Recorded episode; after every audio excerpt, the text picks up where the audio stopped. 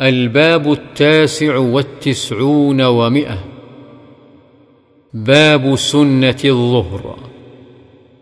عن ابن عمر رضي الله عنهما قال صليت مع رسول الله صلى الله عليه وسلم ركعتين قبل الظهر وركعتين بعدها متفق عليه.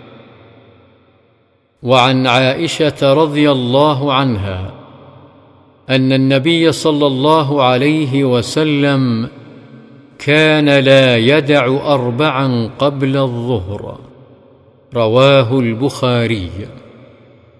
وعنها رضي الله عنها قالت كان النبي صلى الله عليه وسلم يصلي في بيتي قبل الظهر اربعا.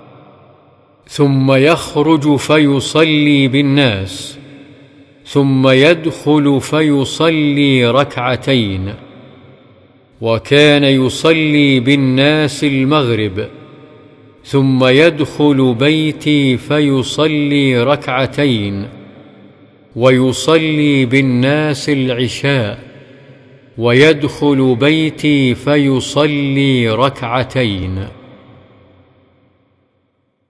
وعن أم حبيبة رضي الله عنها قالت قال رسول الله صلى الله عليه وسلم من حافظ على أربع ركعات قبل الظهر وأربع بعدها حرمه الله على النار رواه أبو داود والترمذي وقال حديث حسن صحيح.